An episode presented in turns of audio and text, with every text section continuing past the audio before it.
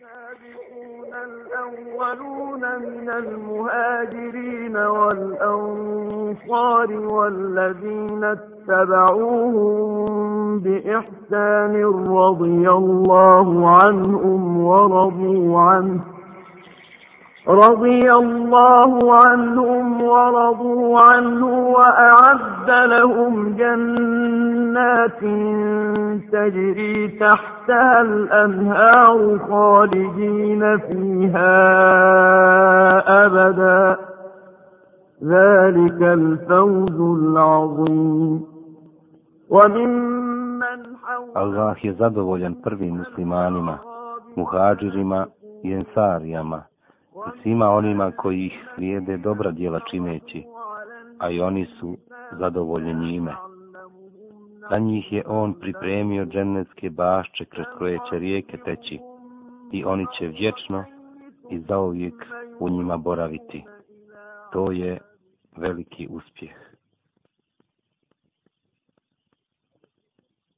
U devetoj godini po Hidžri, islamu se nakon bježanja pokori jedan od arapskih vladara. Prikloni se imanu nakon odbijanja i odvraćanja drugih. Izjavi pokornost Allahovom poslaniku sallallahu alaihi ve sellem nakon odbijanja. To je bio Adiju bin Hatim Etaji, čijeg su oca uzimali za primjer udarežljivosti.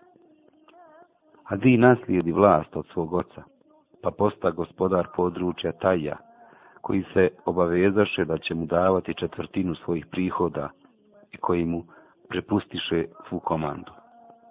Kada Allahu poslanik poče javno pozivati na pravi put i istinu, i kada mu se priklomiše mnogi Arapi, pleme po pleme, Adi u vjerovjesnikovoj misiji vidje vođstvo koje bi lahko moglo njegovo vođstvo da ugrozi. Vidje vlast koja bi njegovu vlast mogla srušiti. Zbog toga on se postavi prema vjerovjesniku kao najžešći neprijatelj, iako ga nije ni poznavao. Zamrzi ga najvećom mržnjom, a da ga nije ni vidio. Tako osta neprijatelj Islama blizu 20 godina, sve dok mu Allah ne rasprostrani grudi za poziv uputi i istini. A prelazak na Islam Adija ibn Hatima je priča koja se ne zaboravlja, pa pustimo tom čovjeku lično da nam prepriča svoju priču, jer on je najpreči da to učini, a njegova verzija je najispravnija. Nema ni jedan Arap, a da je više mrzio Allahovog poslanika, sallallahu alaihi veselem, od mene.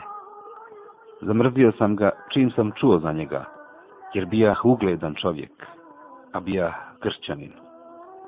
Išao sam među svojim narodom kupeći četvrtinu koju sam uzimao iz njihova plijena i prihoda, kao što su to radili i drugi arapski vladari. I čim sam čuo za vjerovjesnikova, salallahu alaihi veselem, odmah sam ga zamrzio. A kada on ojača i proširi se njegova moć, te njegova vojska i izidnice počeši da patroliraju zemljom Arapa i na istoku i na zapadu, rekoh svom slugi koji čuvaše moje deve o dječače, oca ne imao. Pripremi mi jednu jaku i mirnu devu i svežiju nedaleko od mene, pa ako čuješ da je Muhamedova vojska ili neka njena izvidnica stupila na naša područja, obavijesti mi. Jednog jutra dođe mi taj moj sluga i reče, o gazda, ono što si nakanio činiti kada u tvoju zemlju stupi Muhammedova konjica, čini sada. A zašto žalostna ti majka? Pita ga. On odgovori. Vidio sam zastave kako se pojavljuju u blizini našeg područja, pa sam se raspitivao u vezi njih. I rečeno mi je da je to Muhammedova vojska. Ja mu rekoh, pripremi mi onu devu što sam ti naredio i dovedi je u moju blizinu. Onda istog časa skočih pa pozvah svu svoju porodicu i djecu da napuštamo zemlju koju smo zavodili. Na brzinu krenuli smo u pravcu Sirije, gdje su živjeli kršćani, pripadnici moje vjere, kako bih se smjestio kod njih. U svoj toj žurbi nisam mogao sakupiti svu svoju porodicu, pa kada iziđi smo iz opasne zone, tek tada pregledah da li smo svi na okupu ispostavi se da mi je ostala jedna sestra Neđdu sa ostalima iz plemena Taj koji tamo ostaše. Sada više nisam imao nikakve mogućnosti za povratak, pa produžih sa onima koji bijahu sa mnom u pravcu Sirije i ostadoh da živim tu među svojim istovjernicima. Što se moje sestre tiče, nju zadesi baš ono što sam očekivao, čega sam se plašio. Tu u Siriji čuh kako je Muhammedova konjica napala naše područje i među zarobljenicima koje odvedoše u Jesrib nađe se i moja sestra. Tamo je staviše zajedno sa drugim zarobljenicama u prostor kod vrata mesđida. Pored nje najđe Allahu poslanik, sallallahu alaihi ve sellem, a ona ustade pred njega i reče, O Allahu poslaniče, propao je roditelj, a otišao je staratelj. Pa smiluj mi se, Allah ti se smilovao. On upita, a ko je taj tvoj staratelj? Ona reče, Adi ibn Hatim. Onaj koji bježi od Allaha i njegova poslanika, upita on, a zatim produži put i ostavi je. Sutradan vjerovjesnik, salallahu alaihi ve sellem, ponovo naiđe pored nje, a ona mu reče isto što i juče. Na što joj on reče ono što joj je i juče rekao. Sljedeći dan, kada naiđe, ona izgubivši nadu, ne reče mu ništa. Tada joj jedan čovjek iza leđa vjerovjesnika dade znak da mu se obrati, pa ona ustade i reče, O Allahu poslaniče, propao je roditelj, a otišao je staratelj, pa oslobodi me, Allah te oslobodio. Učinio sam to, odgovorio je vjerovjesnik. Ona ponovo reče, željela bih da odem svojoj porodici u Siriju. On reče, nemoj žuriti sa putovanjem dok ne nađeš nekoga iz tvog naroda u kog si sigurna, kako bi te otpratio u Siriju. Kada nađeš nekog u koga imaš povjerenja, obavijesti me. Kada je Allahu poslanik otišao, ona upita za čovjeka koji joj je i šaretio da se obrati vjerovjesniku. Pa joj rekoše da je to bio Ali ibn Ebi Talib, neka je Allah zadovoljan njime. Ona osta tu dok ne naiđe neka skupina ljudi u koju je imala povjerenja te ode vjerovjesniku i reče mu, O Allahu poslaniče, jedna skupina ljudi iz mog plemena je naišla i među njima se nalaze oni koji će me odvesti mojoj porodici i u koje sam sigurna. Allahu poslanik je darova lijepom odjećom, dade joj devu na kojoj će jahati i ostalo što joj je potrebno u putu, te ona otputova sa tom skupinom ljudi. Dalje priča Adilji. Mi smo se i dalje raspitivali o njoj, iščekivali njen dolazak i nikako nismo vjerovali u ono što smo čuli o njenom susretu sa Muhammedom i o tome kako je prema njoj bio veliki dobročinitelj i pored toga što je znao kakav sam ja bio prema njemu. I Allaha mi, dok sam jednom sjedio sa svojom porodicom, ugledah ženu koja je, sjedeći u svojoj nosiljci, išla prema nama. Ja rekoh, ovo je Hatimova kći i stvarno to bijaše ona. Kada dođe do nas, ona me preduhitri govoreći. Onaj koji trga rodbinske odnose je najveći silnik. Pokupio si svoju bližu porodicu i djecu, a ostavio si djecu svoga roditelja i one za koje si morao da se pobrineš.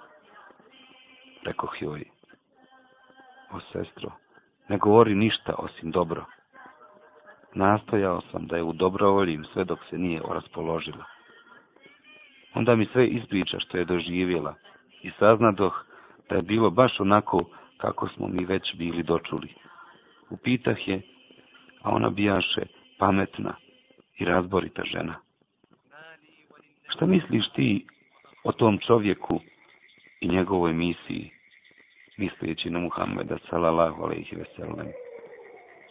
Ona odgovori, Allaha mi, mislim da bi što prije trebao da mu se pridružiš, pa ako je stvarno vjerovjesnik, onaj komu prije priđe je bolji od onoga što okrijeva. Ako je vladar, kod njega sigurno nećeš biti ponižen. Dalje kaže Adi, Ja se spremih za put i krenuh sve dok ne stigoh u Medinu kod Allahovog poslanika. Došao sam bez ikakve poruke ili garancije. Ipak, čuo sam da je Allahu poslanik jedan put rekao. Nadam se da će Allah Adijevu ruku staviti u moju. Tako dođo kod njega, on bijaše u mrčidu, pa ga poselami. On upita, koji si ti čovjek? Rekoh, Adi ibnu Hatim. Onda on ustade, uzme me za ruku i odvede u svoju kuću. I Allaha mi, dok me je vodio svojoj kući, srete ga neka stara, siromašna žena koja je vodila malog dječaka. Ona ga zaustavi, počne mu nešto govoriti o svojim teškoćama i potrebama. On ostao s njima dok im nije ispunio njihovu potrebu, a ja sam za to vrijeme stajao. Tada pomislih u sebi. Allaha mi, ovo nije vladar. On me ponovo uze za ruku i povede me sve dok ne dođe smo njegove kući. Tada dohvati kožnom šilte napunjeno vunom, pa mi ga dobaci govoreći mi, sjedi na ovo.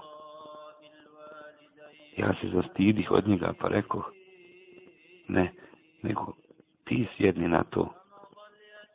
On opet reče, ne, ne, samo ti sjedni. Pa ja poslušah i sjedoh na šilte, dok vjerovjesnik sjede na zemlju, jer u kući ne bijaše drugog šilteta.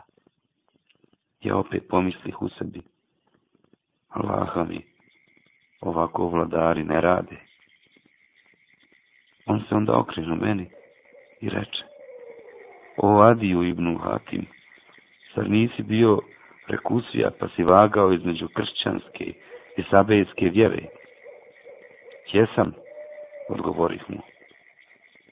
On opet reče, zar nisi išao između svojih podanika i uzimao od njih četvrtinu, a što ti nije bilo dozvoljeno ni po tvojoj vjeri?